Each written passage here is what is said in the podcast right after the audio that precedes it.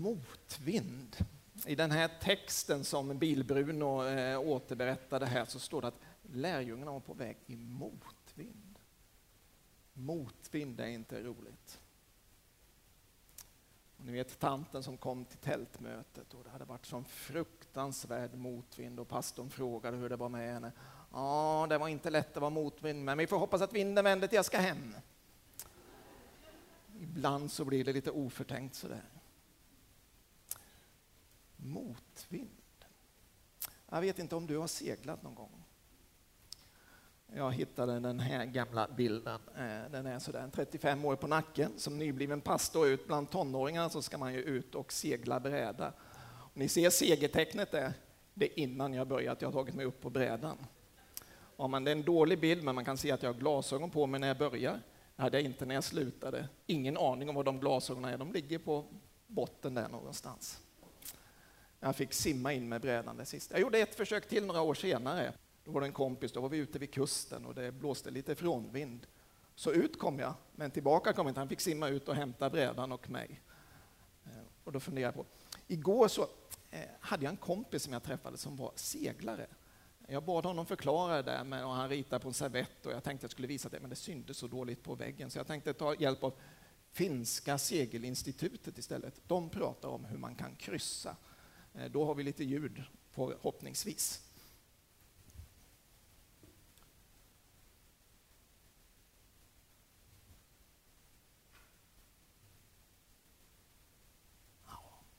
Sen kommer vinden snett framifrån och då måste man skota in seglet så att bommen visar mot båtens akterhörn. Man kryssar genom att segla strikt mot vind och göra slag vid behov. På kryssen seglar man båten så högt mot vinden som möjligt utan att seglet börjar fladdra. När seglet är spänt skotat söker man rätt kurs genom att lova eller fälla. Om seglets förlik börjar fladdra måste man fälla kurs tills seglet fylls igen. Om man styr båten för lågt i vinden tar farten. Då måste man lova för att få upp farten igen. Glasklart, alla kan kryssa eller? Fattar ni något? Ja, har man seglat förr så begriper man precis allting. Annars var jag glad för förklaringen jag hade fått innan av min kompis. Eh, men vad han sa det var att kör man i medvind, ja då kan man inte gå fortare än vindens hastighet för vågor och så vidare. Vattnet stoppar upp lite grann. Men får man in vinden från sidan, då kan man köra fortare. Och Sten som då har plockat med sitt segel, han kör isjakt. Och då är det knappt något motstånd alls kommer upp i enorma farter. Tur att inte hastighetskontrollen är sten ute på isen kan man säga, för det går fort. Och man får upp högre hastighet. Man kan dra mer nytta av vinden när man får in den från sidan. Går man direkt in i motvinden, då är det naturligtvis helt omöjligt att segla. Men kan man få in den lite från sidan, ja, då går det att ta sig fram. Jag har prövat det i teorin, det går utmärkt nu. I praktiken får vi se om jag provar någon gång. En del av er kan det här med segling. Jag tänker motvind. I den här texten som var från början så är Jesus på stranden. Det är Jesus som skickar ut dem över Genesarets sjö. Det är Jesus som skickar ut dem i motvinden. Ibland kan man tycka att när saker och ting går emot. Ja, men då kan ju inte Gud vara med i det här. Men det verkar snarare som det är ett mönster. Att är Gud inte med, med, ja, det kanske är när det går bra.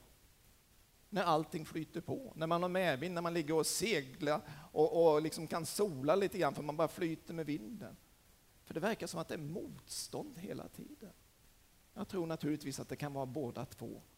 Men ibland så hör man om den här framgångsteologin då att allting bara är bra, allting kommer att flyta på, allting kommer att bli perfekt, du kommer inte ha några problem alls. Och då kommer Guds kraft att vara över dig på ett speciellt sätt. Det finns väldigt lite i Bibeln av det tänkandet. Däremot verkar det som att Guds kraft är starkare i motvinden. Precis som man kan dra nytta av vinden när man får in den från sidan. Det går inte så fort framåt för man får ju kryssa sig fram, men man kan hålla högre hastighet än i medvinden. Motvind drabbar alla. Titta på Jesus själv. Hur började det då? När han skulle födas. Inte någon plats. Och det här gulliga stallet som vi ofta har på julen var väl sådär lagom gulligt för Maria när hon skulle föda barn ute i stallet. Någon försöker döda dem direkt, de får fly. Ingen gränsbevakning som stoppar dem vid Egypten, som tur var, utan de kunde fly vidare. Han blir eh, sviken av sina närmaste, de har svårt att begripa vad han säger. Till slut blir han dödad på ett kors. Och de här som följer honom, det är inte mycket bättre för dem. Eh, hela tiden motstånd. Paulus, ja, han har en sammanställning av vad han har varit med om. Jag tänkte jag skulle läsa den för er. Jag har arbetat mer än de flesta, säger han. Han låg inte på latsidan alltså. Och då borde han ju ha ett bekymmersfritt liv, men icke. Jag har suttit i fängelse mer än de flesta, fått prygel i övermått och ofta riskerat livet. Av judarna har jag fem gånger fått 40 minus ett slag. Tre gånger har jag slitit spö. En gång har jag stenats. Tre gånger har jag lidit skeppsbrott. Ett helt dygn har jag drivit omkring på öppna havet. Ofta har jag varit ute på resor, utsatts för faror i floder, faror från rövare, faror bland landsmän och bland hedningar, faror i städer, i öknar och på havet, faror bland falska bröder. Jag har arbetat och slitit och ofta vakat. Jag har svultit och törstat och ofta fastat. Jag har frusit och varit utan kläder. Det här är Paulus, en av de liksom förgrundsfigurerna får vara med om alltihopa det här. Har du motvind i ditt liv? Ja, då är du inte ensam. Ibland får man för sig att alla andra, det är bara jag som har motvind, de andra har medvind och så går man in på Facebook och så tittar man och så är det jättefina bilder från semesterresor som alla ens vänner alltid är på. Jag får aldrig åka på semester utan vara hemma i höstmörkret och så vidare. Jag tror att vi alla har ett mått av motgång. Men frågan är vad vi gör med den här motgången. Det är motvind, det är hopplöst, jag kan inte komma framåt. Eller vågar vi ta upp seglet och låta Andens vind få blåsa in? Det här är vad som händer med de första lärjungarna. Det är ju fantastiskt att se de här. Eh, efter pingstdagen så kommer de till sköna porten och där är det någon man som är förlamad och som tigger och liksom Petrus och Johannes. Ah, pengar har vi inga, men det vi har, res dig upp i Jesu namn. Och han kommer på fötter och springer omkring i templet. Och det är allmän förvillning och de blir inkallade och sagt att ah, nej, nej, nej, nej, nej, nej, nej, ni får ju inte predika Jesu namn, det fattar ni väl? Ja, men vi kan inte låta bli att tala om det som vi har sett och hört. Och så piskar de dem. Och så står det, de gick glada därifrån. Hur kan man vara glad när ryggen svider, man har inget skinn kvar på ryggen, så kan man ändå känna en glädje. Och kören de pratade om att man skulle öppna ett fönster och släppa in den här glädjen. Jag tror det finns en glädje som inte bara sitter på läpparna utan håller även när det är motvind. Jag tror att det är en av den här andens vind i seglen, att vi kan få känna glädje.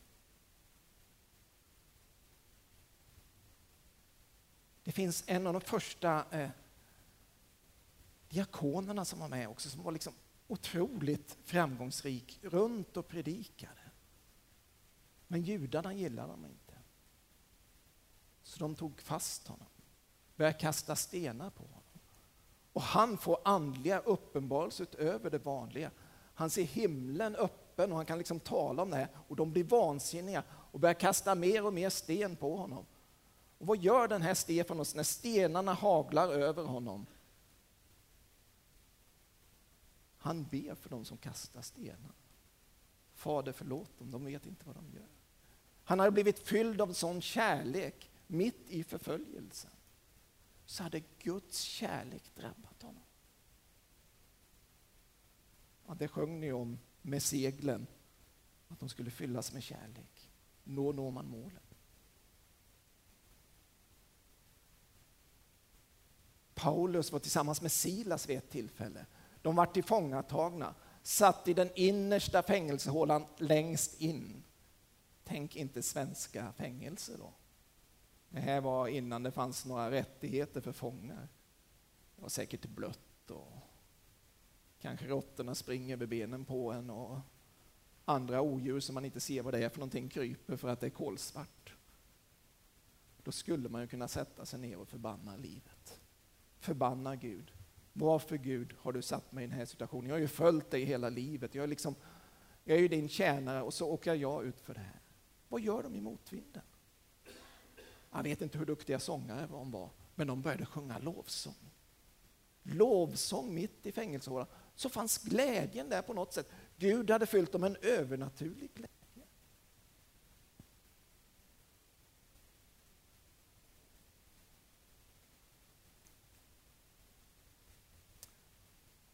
När man hamnar i motvinden så kan det vara lätt att ta ner seglet och förbanna livet. Allt blir tungt och jobbigt. Men jag skulle vilja uppmana dig att våga hissa seglet. Man behöver inte gå så tufft upp mot vinden. Börjar man att gå ut lite grann, men öppna seglet så börjar det röra sig lite sakta. Jag tror att Andens vind vill svepa in. Det är friden. Kören kommer att sjunga om den så småningom i vår gudstjänst. Om friden. Om Jesus som talar om att jag ger inte den här världens frid, utan min frid ger jag er. Han talar om att gör er inga bekymmer, utan kom till allting i bön med mig, så ska jag ge era tankar skydd. Att ge tankar och hjärtan skydd, talar han om. Att de här tankarna inte ska komma över oss, utan vi ska få del av Guds frid. Glädjen, kärleken. Tittar vi när Paulus skriver, när talar han om frukt då när vi har skördefest, andens frukt. Tre första börjar med andens frukt är kärlek, glädje, frid. Så kommer tålamod, mildhet och så vidare frid, glädje, kärlek. Det finns situationer när du har varit ute för storm. Du har haft ditt segel uppe. Det har blåst sönder. Du måste kanske hitta land, hitta en lugn stund för att kunna laga ditt segel och komma tillbaka. Sådana stunder finns. En del av oss är i sån situation där vi behöver gå undan för att få ro och för att läkas ihop. Men för de flesta av oss så är det ändå lite motvind. Men vi har möjlighet att hissa vårt segel, ställa in seglet så vinden får fylla seglet. Och jag tror det här är svagheten. Det verkar så när vi läser de här bibliska personerna, att det här man får uppleva Guds kraft också. Man får se under och tecken runt omkring sig. Men det som kännetecknar det här, det är de här tre sakerna.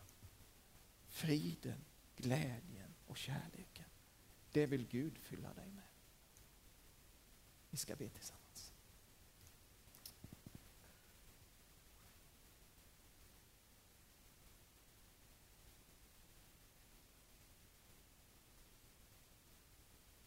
Gud kom till oss den här kvällen. Herre, jag vill hissa mitt segel på nytt och ber dig att du kommer med din andes vind och blåser.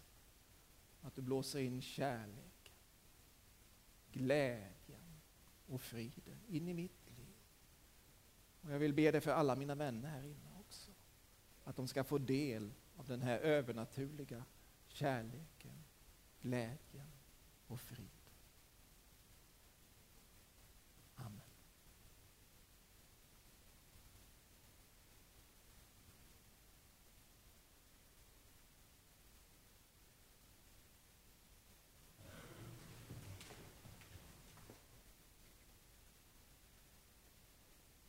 När kören Corona var som mest aktiva och framförallt då under 1970-talet eh, eh, så hade de ett upplägg på sin